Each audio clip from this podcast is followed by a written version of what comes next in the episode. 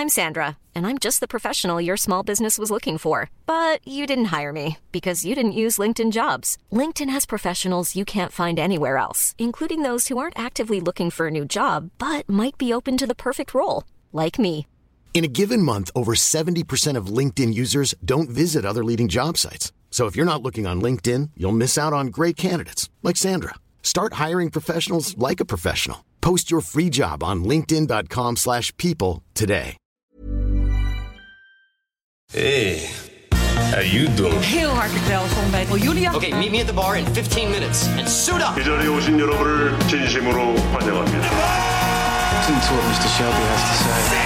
Content Wars, de zomereditie. Content Wars gaat niet op vakantie, maar komt juist met hete content. Komende weken hebben we afleveringen die te maken hebben met de zomer. We bespreken formats telkens aan de hand van iets dat doet denken aan deze tijd van het jaar. Zwemmen, zonnen, eilanden, noem het maar op. Mijn naam is Jelle Maasbach en tegenover me het zonnetje in huis, formatontwikkelaar Kirsten Jan van Nieuwenhuizen. Bekend van programma's als That's the Question, Singletown, tv-makelaar en hij zat in het team dat Big Brother ontwikkelde. En deze aflevering hebben we het over.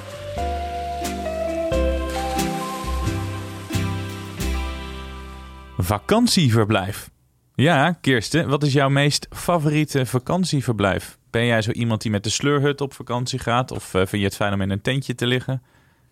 Nee, ik hou wel van- een beetje van luxe, moet ik eerlijk zeggen. Ik ben een beetje luxe poes geworden. Ik heb vroeger wel veel gekampeerd, maar ik, eh, ik heb er eigenlijk geen zin meer in. Al dat zand en slecht bed en zo. En ehm, eigenlijk vind ik het leukst om in het voor- en najaar te gaan. En ik hou heel erg van wintersport. Dus in de zomer blijf ik in Nederland, omdat het hier altijd zo fantastisch weer is. Ehm, en eh, eh, ja, dus eh, dat. Misschien kan je een keer met mijn vriend gaan skiën. Want die wil altijd graag op wintersport. Ik heb toen mijn elleboog gebroken, dus ik durf niet meer op zijn bord te staan. Maar Nou, maar je, ja, maar je moet helemaal niet snowboarden. nee. Het zijn Skiën, ook allemaal teringleiers op de piste, die snowboarders. Die moeten, dat moet verboden worden. Je moet gewoon weer gaan skiën, want die snowboarders krijg je alleen maar hele zware blessures van. Eh, en dan met skiën valt het allemaal heel erg mee. Ja, jij bent dus eh, team eh, hotel. Dan naar de vrouw die never nooit niet met een wc-rol onder haar arm de camping overwandelt. Aankoopmakelaar Lisette van Diepen. Wat is het leukste hotel dat jij ooit hebt bezocht? Het leukste hotel dat ik ooit heb bezocht was niet privé, maar was zakelijk. Ik, ehm, ik ging een keer met mijn toenmalige eh, manager naar een beurs in eh Saint-Tropez. Uh-huh. En we kwamen er eh, eigenlijk op de, de eerste half uur achter dat we op de verkeerde beurs zaten. Eh, want het was een documentaire beurs eh, en wij zaten in format. En mijn, mijn manager zei toen: ga, ga naar je hotel, ga ervan genieten. Want dit gebeurt je één keer, maar je hebt gewoon vier dagen vakantie. En ik ging naar het hotel Biblos in Saint-Tropez. Nou, dat was de sensatie voor mij op die leeftijd om een paar dagen in die totale luxe in Saint-Tropez. Met een, ik had een rond bed in een geweldige kamer. Ehm, dat was mijn, eh, mijn beste hotelervaring. Maar Ja. met name omdat het zo ja, onverwacht was ook. Luxe, totaal onverwacht. En vrijheid, totaal onverwacht. Dat is heel leuk. Klinkt mij goed. Ja, ik zag Kirsten Jan ook al eh, knikken. Jij bent geen campingtype. Ik, was, ik, ik, ik ben opgegroeid op de camping. Wij gingen elk jaar eh, kamperen en kanoën. Dus ehm, ik denk dat daar de totale haat is. eh, nee, ik ben Maar zoveel. opgegroeid op de camping als in je ouders wonen in een caravan? Of, eh, Nee, nee, nee, nee. Qua vakantie. Nou. Qua vakantie. Wij zijn eh, heel veel op de camping op vakantie geweest en kanoën. Dus die portie heb ik gehad. Ja, als kind is dat toch ook het mooiste wat er is. Ik ging altijd naar een camping in Ameland. Volgens mij gingen we elke zomer daar naartoe. Maar dat is, voor kinderen is het heel leuk. Ik weet niet, jullie hebben allebei kinderen of dat voor de ouders ook leuk is om er dan bij te zitten. Je kijkt me heel glazig aan. Nou, het, het probleem met kinderen... Ik, toen ik mijn bedrijf verkocht in 2006... eh, heb ik daarna, de vakantie daarna, een villa gehuurd op Ibiza... toen het nog eh, eh, enigszins te betalen was. Ja. Eh, en vanaf dat moment zeiden mijn kinderen elke keer... als wij in een ander eh, zwembad zaten... wat doen al die mensen in ons zwembad? Eh, en waarom zitten we niet meer in een huis, papa? Dat soort dingen. Dus Oh, die waren helemaal gewend. ja, die waren volledig verpest. Dan kan je eigenlijk niet meer terug. Dus als je eenmaal een beetje die, van die luxe hebt geproefd... nou, wel, huur ik niet elke jaar een villa op Ibiza, zeker niet. En, maar ik vind het wel fijn om een beetje een fijne plek te hebben. Ja. Eh, maar hoe zit het bij jou dan, Jelle? Ben jij nog wel een campingman? Nee, nou ik vind het heel raar als je het hele jaar hard gewerkt hebt dat je gaat creperen in zo'n tent. Dat heb ik nooit begrepen. Ik zie sommige vrienden van mij die dan heel Helemaal trots afzien, ja. zo, zo'n tentje ergens neerzetten. En dan denk ik, waarom? Je hebt heel hard gewerkt. En waarom ga je dan op zo'n... Dan lig je op de klote matje, dus je krijgt last van je rug. Eh, het water komt er doorheen. Je kan je kleren niet fatsoenlijk neerleggen. Het gaat, gaat stinken. Je ruikt die mensen dan al. Dan denk je, oh ja, jij slaapt in een tent, weet je wel. Je, Je, ruikt hoort al. ook heel veel mensen om je heen. Ja, het is allemaal niks. Maar ik Nee. vond als kind, vond ik op de camping in Ameland. We zijn er eh, laatst terug geweest toen mijn ouders 25 of 30 jaar getrouwd waren. Toen waren mijn zusje en ik er weer. En dan heb je echt allemaal van die mooie herinneringen. Oh, hier was ik met mijn skelter. Hier ging ik naar de bonte Ja. avond. Dat was echt de mooiste tijd. Ja. En dat mensen al, kinderen van kleins af aan, alleen maar in een appartement of in een hotel stoppen. Dat vind ik altijd een beetje gekkig. Zo lekker over die campingravotten. Ik denk dat het voor kinderen ook het allerleukste is om op een camping te zitten. Je maakt heel snel contact natuurlijk. In zo'n huis eigenlijk niet. Voor ouders is het eigenlijk ook veel slimmer, want die kinderen zijn vaak gewoon Ja, de dat kan je even met z'n tweeën wel doen. En als je in een huisje zit, moet je elke keer die kinderen bezighouden. Zeker als je geen zwembad hebt. Dus eh, Ja, je hoort het al. Het gaat over hotels of campingformats. Programma's die zich afspelen op een locatie waar je moet inchecken en voor moet reizen. Zoals deze, Campingtijd. Welkom bij eh, Campingtijd. En eh, in deze aflevering zijn we in de indrukwekkende Zwitserse Alpen, namelijk de, de Jungfrau-regio. En ik kijk nu al mijn ogen uit. En het belooft een lekker eh, actieve aflevering te worden, dat, dat beloof ik je. Ja, welke formats kan je nog meer eh, opdreunen, Kirsten? Vorige week heb ik jullie voor het eh, blok gezet. Waren het luie formats, die waren nogal lastig. Is dit een makkelijker format? Ja, dit is wel wat makkelijker. Er zijn natuurlijk heel veel formats in, op reality vlak die zich spelen in hotels en in, eh, ook wel deels op campings. Alleen ik heb natuurlijk een beetje gekeken van kunnen we iets vinden waar ook nog een soort format element Ja, in ja. zit. Eh, ik heb het in het verleden wel eens gehad over Prickly Heat, wat natuurlijk eh, beroemd werd omdat dat spellen waren op het strand en daarna werd er doorgedraaid in het hotel. Ehm, en heel veel van die formats, eh, guilty pleasure formats, zijn daarop gebaseerd. Die spelen zich natuurlijk vaak af in een hele grote villa of in een heel chic hotel, wat dan afgehuurd is. Een van mijn favoriete formats van de laatste jaren is First Dates Hotel, wat echt eh, heerlijk is. Dat is een plek in Italië, heb ik ooit opgezocht. Nou, ga daarheen, want het is echt eh, schitterend. Maar als we kijken naar, naar, naar formats, dan eh, is er een format geweest in 98, ook alweer 25 jaar geleden, en dus voor Big Brother. Ehm, en dat heette de Tourist Trap. En de Tourist Trap was een, eh, een Turks hotel, Engels format weer. Eh, wat gehuurd was en waar eh, wat eh, afgehangen werd met allerlei kamers. Ze hadden het over 11 cameras. Nou, dat is tegenwoordig wat ze in één kamer gebruiken. Maar in 98 was dat heel veel. Ehm, eh, en wat zij daar deden in dat Turks hotel is dat ze elke week nodigen ze één nationaliteit uit van toeristen. Eh, ze hadden een week Duitsers, een week Engelsen, een week Japanners en een week Amerikanen. En ze deden in die week, al die mensen in het hotel waren acteurs. En tijdens die week haalden ze elke keer dezelfde trucs uit. En dan keken ze eh, hoe reageert die nationaliteit erop. Oh. Dus zijn, zijn Duitsers heel bazig. Ze gingen natuurlijk uit van vooroordelen. eh, en stereotypen van, dat, van die nationaliteit. Zijn Japanners heel meegaand? Zijn Amerikanen heel loud? Eh, en op die manier gaven ze het een soort van sociaal experiment eh, gevoel mee. Van eh, klopt het wat wij vinden over die, over die nationaliteit? Dat vond ik best wel, vind ik best nog steeds een leuk idee. Dat zouden ze nog steeds wel in die vorm kunnen doen. Er zijn later heel veel formats geweest, en Lisette zal er waarschijnlijk meer kennen dan ik, die zich afspelen in een hotel waar een deel van de hotelmedewerkers acteurs zijn. Gewoon om te kijken hoe dat werkt, Mhm. eh, hoe mensen reageren. John is er heel gek op, hè, op het, op, eh, is een van zijn stokpaardjes, John de Mol, van hoe, hoe reageren mensen? Eh, doet hij het of doet hij het niet? Is daar natuurlijk ook een vorm Ja, van. ja. Eh, we stoppen de camera en we moeten voorspellen van hoe reageert iemand. Eh, en er zijn heel veel formats geweest waarin ehm, eh, geestelijk eh, eh, gehandicapte eh, mensen met Down syndroom, mensen met Parkinson, hotels moesten leiden enzovoort. Dus in die zin is, het, is een hotel vooral heel erg dankbaar. Ehm, eh, campings is wel iets lastiger. Ik, ik heb niet zo heel veel formats kunnen vinden. ho- Hooguit op Camping de Liefde. Maar dat was eigenlijk gewoon alleen maar het gevoel van een soort uh, Bakkum-achtige, de Lieveling Camping, waar dan Mhm. allemaal singles komen, was ook geen groot succes. Op NPO 3 eh, vorig jaar zal niet meer terugkomen. Met de mannen van eh, de vier eh, mannen, ik ben even de naam kwijt, maar die daar eh, singles probeerden te koppelen. Ehm, eh, dus de Tourist Trap vond ik een van de leukere formats, ook al 25 jaar oud, maar ik denk dat dat zeker nog wel weer eens gaat terugkomen om te kijken.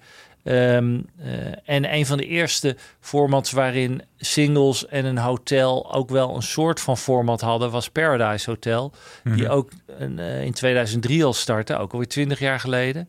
Eh, en daarbij was het principe dat koppels elke keer moesten zorgen dat ze iemand met iemand anders in een hotelkamer konden verblijven. Dus als je in je eentje in een hotelkamer overbleef, dat je je, je partner verloor omdat ze jou niet meer leuk vond, waren allemaal singles natuurlijk, dan werd je weggestuurd. Dus de kamers moesten gevuld blijven, waarbij dus het hotel eigenlijk een vormpje was om ervoor te zorgen. En dat is later ook weer in heel veel formats terugkomen van, eh, ik meen, Are You The One, moet je ook steeds koppels vormen. Eh, en als je geen koppel meer bent, dan word je weggestuurd. Dus dat principe. Ja, Eh, ik, dacht, ik, ik, ik dacht, ik neem geen hotel, ik neem een camping. Maar Oh, ik leuk. dacht dat je, ja, dat doe ik zo. Maar ik dacht dat jij misschien nog wel iets ging roepen over Hotel Romantiek. Nee, dat, eh, dat, nee, zo zie je maar. Dat is mij volledig ontschoten. Wat is dat? Dat is eh, een origineel Belgisch format. Dat zich afspeelt ook rond, in en rondom hotels. In Nederland ook gedaan. En eh, heeft internationaal een aantal versies gehad. Maar is met name een datingformat voor ouderen. Dat is later ook al veel meer gedaan. Maar eigenlijk vind ik het een heel charmant eh, format.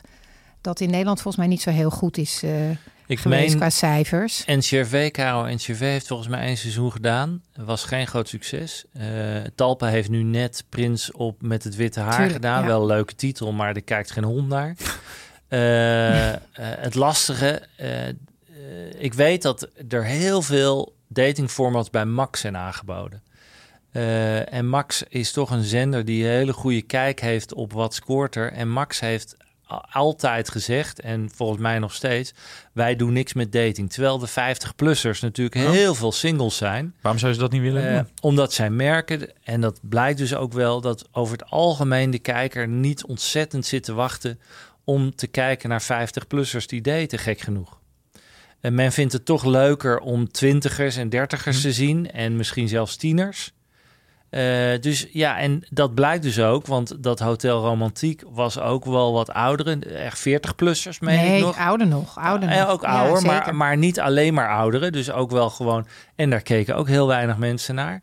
Eh, dus het gekke is, het lijkt alsof het een onderwerp is wat heel veel wat oudere kijkers zal aanspreken. En in de praktijk merk je dat het helemaal niet bekeken wordt. Gek is, want je zou ook kunnen zeggen dat het wel schattige televisie oplevert. Twee van die, van die oude mensjes. Een van de eh, topstellen uit de eh, B&B Vol Liefde. Dat zijn ook mensen die... eh, die vrouw is rond de 70 en, Ja. die, en die, die man is ook ergens mid 70. Ik Die begreep dat die kamers bij haar 650 euro per kamer kosten. Dus we snappen waarom zij de hele tijd niks loopt te doen.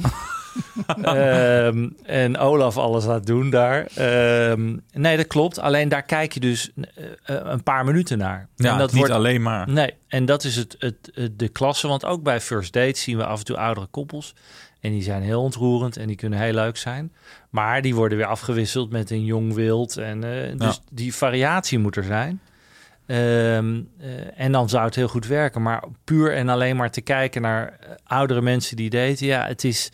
Ik vind het ook wel eens jammer. Want ik denk ook wel eens van. Volgens mij is daar best ruimte voor. Maar ik kan me heel weinig formats eh, voor de geest halen. waar die succesvol zijn met eh, ouderen die daten. Ik kijk even naar Lisette, maar. Nou ja, Hotel Romantiek heeft het internationaal goed gedaan hoor. Daar heb ik echt wel een aantal versies gezien. Duitsland, Scandinavië, wij. Inderdaad niet langlopend. Maar eh, dat was wat ik daar charmant aan vond. Behalve dat de Belgische versie echt wel goed gecast was. Eh, ze gaan dan geloof ik naar Zwitserland. Ehm, het was ook een beetje fish out of water voor een heel aantal van die oudjes. Dus het combineerde een aantal leuke elementen. En daar, is, daar zijn echte rela- relaties uit ontstaan. Dus ik vond dat leuk. Maar inderdaad, er zijn er niet veel. Nee. Vind je het leuke formats trouwens? Gewoon eh, formats die zich afspelen in hotels. Het lijkt me wel veel qua productie. Maar... Nou, ik denk dat dat een van de problemen is. Het zijn over het algemeen dure formats. Dus voor veel zenders die vinden dat dan weer spannend. Uh, omdat een hotel uh, impliceert dat er veel mensen zijn. Ja. Uh, dat je veel camera's moet hebben. Dus in die zin is het productioneel gewoon een hoop gedoe. Um, en er zijn best wel veel formats geweest of ideeën die een beetje geënt waren op Faulty Towers. Dus wat, wat gebeurt er als je in een hotel komt waarvan alles misgaat? Ja. Uh, ook dat is duur. Acteurs. Uh, nou ja, dus in die zin vindt men het gewoon een risico om te zeggen van gaan we dit allemaal uitgeven en dan weten we niet of het echt heel leuk wordt. First Dates Hotel is ook pas gestart toen First Dates een heel groot succes was. En toen durfden ze het aan, want First Dates Hotel is veel duurder dan uh, de gewone First Dates. Uh, maar, daar, maar wel vind ik persoonlijk ook, ook veel lekkerder om naar te kijken. Um, we zijn, toen ik bij Endemol werkte, wel eens bezig geweest met een idee om een soort gratis hotel. Uh, en waarbij alle kamers inderdaad um, camera's hadden. En daar kon je gratis verblijven. En de kijkers mochten uiteindelijk kiezen wie er af moest vallen. Dat was het basisidee. Dus mensen gingen van alles doen in dat hotel om maar te mogen blijven. Want dan, en het was een luxe hotel, dus je kon daar gratis verblijven. Als jij de kijkers wist te overtuigen van ja, ik ben leuk. Dus wat ga je dan doen op je kamer, weet ik het. Ja, verzin maar wat. Uh, en elke week of elke aflevering zou dan degene die het, de kijkers het minst aansprak, die zou uh, moeten verdwijnen. En daar kwam dan weer iemand nieuw voor in de plek. Um, volgens mij is er nooit zoiets gekomen. Het was een soort interactief format. Um, maar daar, ik, ik kan me herinneren dat we daar wel mee bezig zijn geweest met het principe van een hotel. En dan kijken, ja, wie vindt de kijker leuk eigenlijk? Um, uh, ja, dus dat is het grote probleem. Ik denk dat camping natuurlijk altijd nog steeds wel populair is. SBS werd vroeger de campingzender eh, genoemd. Camping Live is, is uh, qua gesponsord format een van de meest succesvolle gesponsorde formats in de geschiedenis misschien wel in Nederland. Heeft jarenlang gelopen, loopt volgens mij nog steeds. Ja. Um, dus camping is toch altijd wel iets wat aanspreekt. Maar ook daar uh, niet superveel formats over die op een camping spelen. Mooi bruggetje naar jou. Ja, Want je leuk. had iets gevonden. Ja, ik heb, ik heb een heel charmant camping. format meegenomen uit België. Dat heet ook letterlijk De Camping. Toch altijd weer België. Ja. Ja. Ja, ja uh, 2021 gestart op één, publieke zender daar. En je neemt, het basisidee is, je neemt negen jongeren die om verschillende redenen niet aan het werk zijn gekomen op dat moment. En die laat je vanaf nul een camping opbouwen. Dus je geeft ze een stuk land, de materialen. En zij moeten met z'n allen een camping gaan bouwen en uiteindelijk runnen. En zij worden bijgestaan door een hele markante man, een tattooartist die zelf jarenlang in sociaal werk heeft gezeten. Dus we kijken naar de transformatie van het stuk land uh, dat een camping wordt en de transformatie van de jongeren. Want dat is gewoon een heel mooi proces met elkaar en met hem. Uiteindelijk zijn er uh, 600 gasten geweest op de camping. Dus het is echt wel een succesje geworden. En uh, er is een tweede serie gemaakt waarin ze ook oudere uh, werklozen hebben genomen. Dus een mooie mix van jong en oud. Het is van de Chinezen. Nou, daar hebben we het al een keer eerder over gehad. Een productiepartij in Eng Engeland, wilde ik zeggen. Sorry, België. Met uh, mooie, mooie factual-programma's. En dit is gewoon een heel charmant format dat nog niet gereisd heeft. Uh, dat heb ik even ge gecheckt. Uh, maar, maar bijzonder charmant in dit genre. Dus uh, voor mij uh, was dit de titel die ik vandaag wilde noemen, de camping. Nou, leuk. Nou, toch uh, iets substantieels met de camping. ja, en, en, natuurlijk heel veel overeenkomsten met ik vertrek. Hè, van ergens naartoe gaan en mm -hmm. iets opbouwen en hopen dat er gasten komen. Dus ik snap dat helemaal. En, en ik denk ook dat daar best ruimte voor zou kunnen zijn. Ook daar de vraag, kan je het beschermen? Dus... Uh, zullen mensen het niet zelf gaan doen.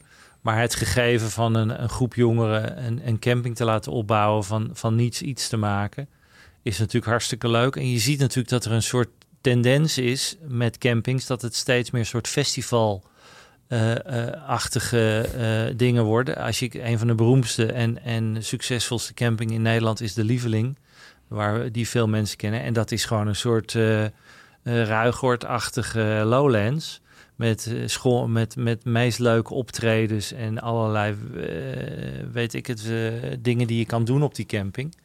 Ehm, dus in die zin is het Dat niet... zit hier ook allemaal in. Er Ja. wordt heel veel gevierd. En eh, ja, die, die, die vrijheid, dat stuk, dat, dat komt heel erg tot uiting ook in dit Ja, format. het is een soort events. Ja. eh, en dat is natuurlijk eigenlijk best hele leuke tv om dat te creëren met een groep mensen. Van hoe kunnen we iets doen wat niet alleen maar kamperende mensen, maar waar ook allerlei happenings eh, plaatsvinden. Ja, dat is.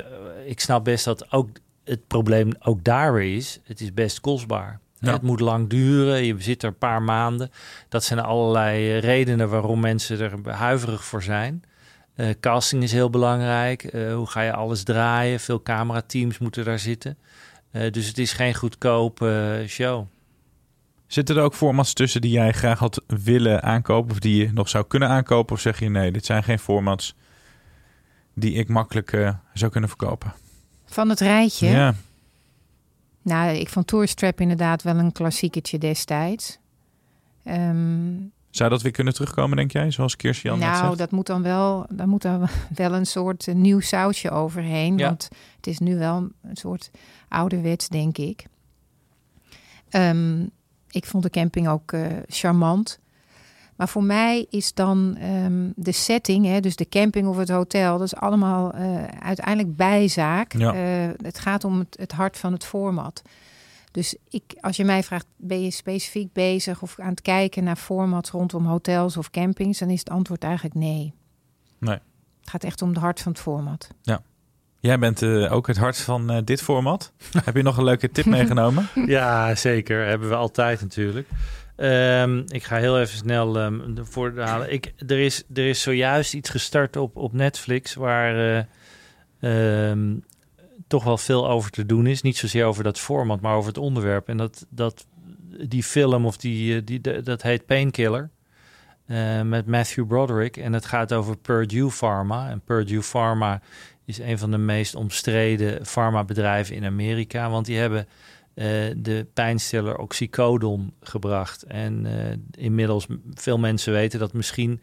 ehm, dat is een van de meest verslavende eh, pijnstillers in Amerika. Er zijn enorm veel problemen mee. Heel veel mensen zijn daar verslaafd aan. En het blijkt al heel lang dat die, die dat is van een familie. Eh, Matthew Broderick speelt eh, de, de CEO en die, eh, die familie is daar multimiljardair mee geworden. Mhm. En die wisten eigenlijk vanaf het begin al hoe gevaarlijk die drug was en hebben dat verzwegen.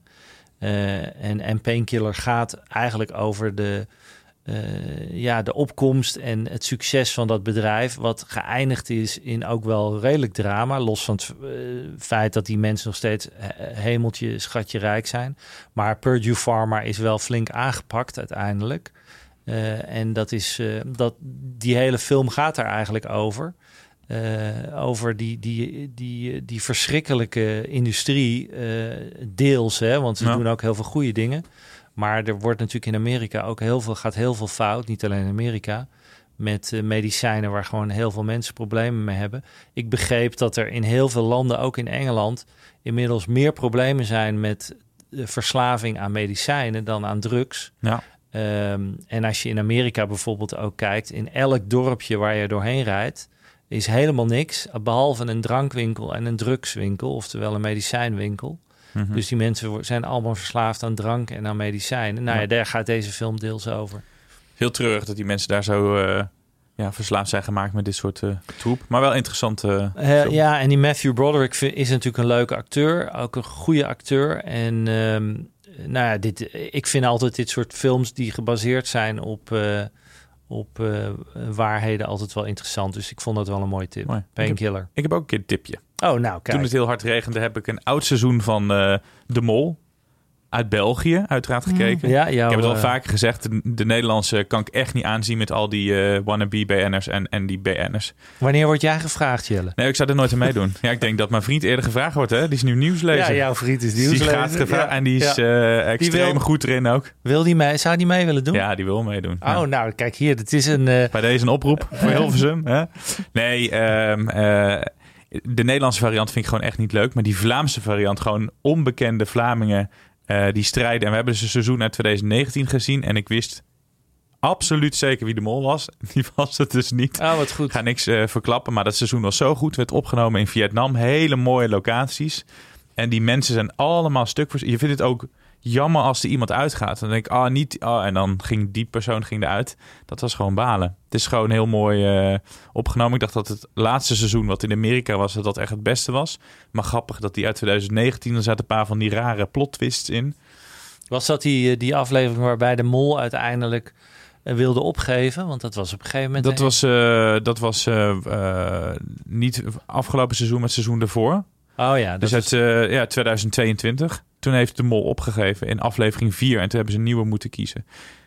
Dat, Ja. was, eh, dat was heel spannend. En ik kan niks over 2019 eh, daarover zeggen, want dan verklap ik al dingen. Maar Ja. die is, eh, dat is echt een aanrader. Ja, dat is natuurlijk de dra het drama van een redactie. Dat je dus een programma Ja. voorbereidt en dat dan halverwege de mol opgeeft. Ik, ik, ik vermoed dat... En dat daar, was alsnog een heel spannend seizoen. Ja, nou, ik denk dat de redactie helemaal gek is geworden toen. Want die zullen echt heel veel gepraat hebben met die man van doe het niet. Eh, maar goed, ja, de- uiteindelijk levert het dan toch nog een, een spannende serie op. Maar het is natuurlijk het... Het is zo goed gemaakt. En, Ja. en, en die mensen zijn zo eh, heel, heel goed gecast. Ze lieten op een gegeven moment ook zien dat er 18.000 aanmeldingen waren. Dan moeten ze dan elke keer rondes terugbrengen. En dat komt dan tot die 10 kandidaten. Maar bizar dat ze, hoeveel werk daarin zit. Wat een redactie dat ook is. Ja. En, en dat, zal, dat is ongetwijfeld ook bij de Nederlandse Mol. Maar ik ben gewoon niet zo fan van programma's met BN'ers in. Nee, nou, we, we hopen allemaal natuurlijk dat dat een beetje eh, gaat veranderen. En eh, RTL is daar wel een klein beetje mee Met het bezig. onbekende. Ja, eh, het onbekende. eh, en volgens mij de Verraders gaat Mhm. er ook nu aankomen met onbekende eh, kandidaten. Dus ze durven het nu toch aan te gaan.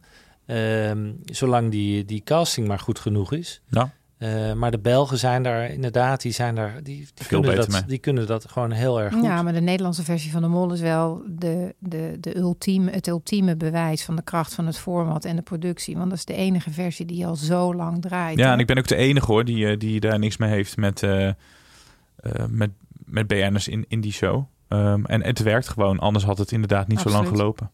Wat heb jij eh, nog voor een leuke tip? Ik heb een eh, NPO Plus eh, titel meegenomen. Ik vond eh, pas heel recent die knop op NPO Plus dat ze je ook de suggesties kunnen geven op basis van de dingen die je eerder had bekeken. Die stond bij mij op de een of andere manier niet aan, maar nu wel. En zo kwam ik op Cheaters. Dat is een Engelse comedy-serie. Later las ik dat Angela de Jong hem ook toevallig voorbij had zien komen en de hele zes afleveringetjes had gekeken. En eh, ik, ik snapte in één keer waarom ik deze ook zo leuk vond. Want zij schreef, het deed me een beetje denken aan Cold Feet. En dat is voor mij ook de Engelse comedy-serie waar ik jarenlang intens van heb genoten. En dit had inderdaad een beetje hetzelfde gevoel. Cheaters begint met twee singles, nee niet twee singles, twee mensen in een relatie die elkaar eh, tegenkomen eh, op reis in Finland, dronken worden, met elkaar in bed belanden. En dan terug in Engeland realiseren dat eh, ze ook toevallig buren zijn. En dan eh, begint het drama. Zes afleveringetjes, heerlijk genieten van eh, mensen die doorklooien in relaties of niet. Maar geweldige Engelse comedy. Dus dat was mijn tip voor deze week. Cheaters. Dat goed, dankjewel. Lisette van Diepen. En jij bedankt.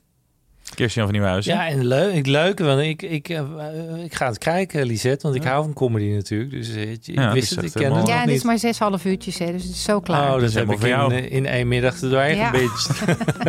Want jouw huwelijk is zo goed dat jullie gewoon zes uur zitten eh, te te kijken. hè? eh, wij hebben die, die, die Happy Valley die ik vorige week tipte, die hebben wij gewoon, ik geloof ik, in een, in een week hebben wij eh, 18 afleveringen er doorheen geketst. Heerlijk. Ja, dat is verschrikkelijk. Maar dat komt ook door het rijden. En nu is het Komt weer beter weer, hè, ja. Nu kunnen we lekker naar buiten. Ja. Dankjewel voor het luisteren en eh, tot de volgende.